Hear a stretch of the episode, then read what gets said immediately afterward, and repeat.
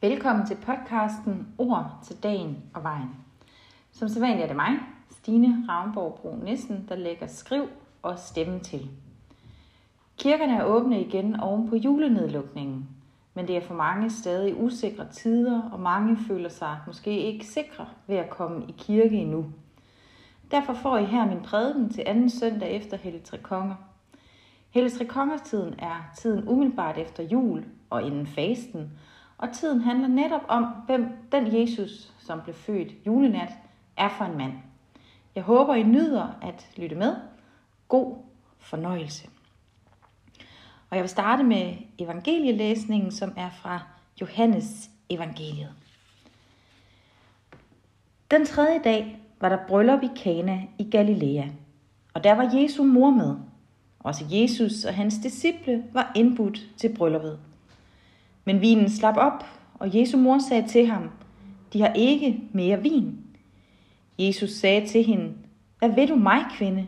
Min time er endnu ikke kommet. Hans mor sagde til tjenerne, gør hvad som helst, han siger til jer. Der var der seks vandkar af sten. De stod der efter jødernes regler for renselse og rummede hver to til tre spande. Jesus sagde til dem, fyld karne med vand.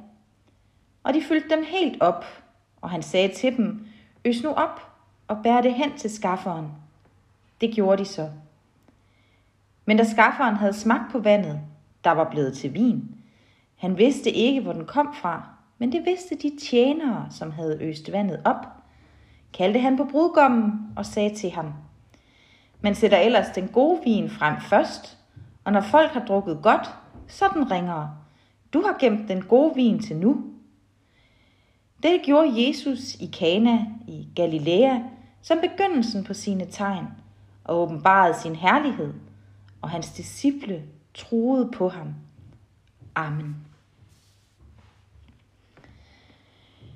Da The Doors i sin tid begyndte deres karriere i 1965 på små skumle klubber i Los Angeles, var det efter sigende med en forsanger, der havde ryggen til publikum. Den legendariske frontmand Jim Morrison var til synlædende så ubekvem ved situationen og så utryg ved at skulle præsentere sin musik og sine tekster, at han ikke evnede at se sit publikum i øjnene. Det ændrede sig senere. Der gjorde han langt mere end blot at se publikum i øjnene. Nok også hjulpet godt på vej af diverse rusmidler. En skøn cocktail af alt, hvad hjertet kunne begære. Andre store kunstnere har haft det lige sådan. De har ganske vist ikke stået med ryggen til deres publikum, men det har været så sårbart for dem. Det har føltes som om, de krænkede det inderste af dem selv ud, uden at vide, hvordan andre ville tage vare på det.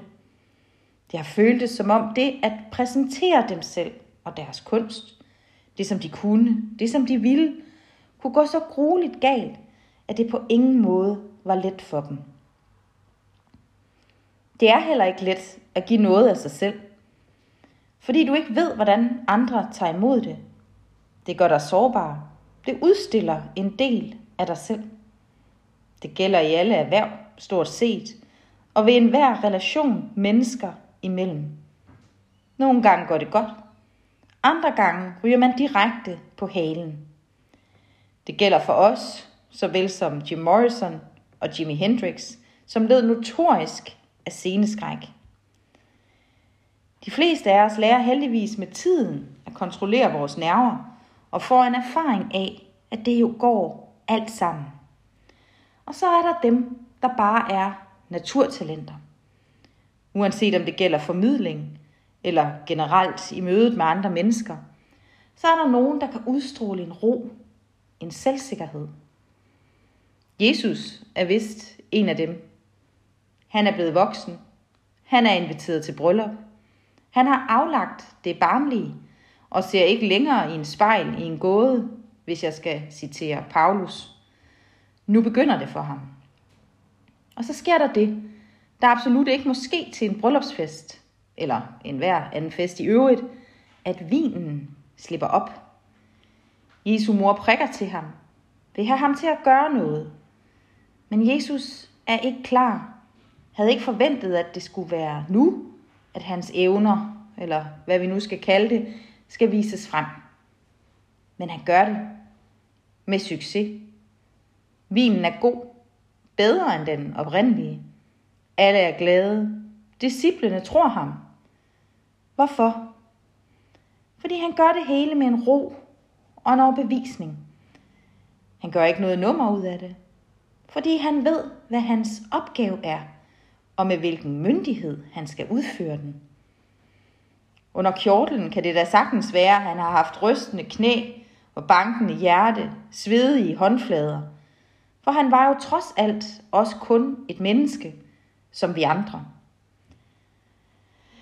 Men dagens historie er vigtig.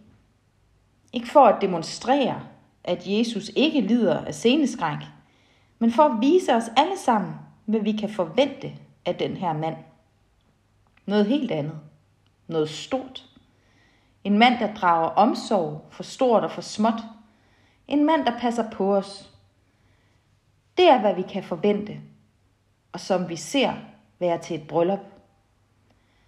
Han havde ikke brug for at stå med ryggen til publikum.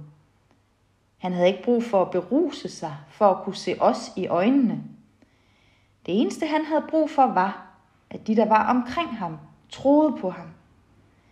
Det eneste han stadig har brug for, korsfæstelse, død og historiens afstand til trods, er, at vi tror ham. Amen.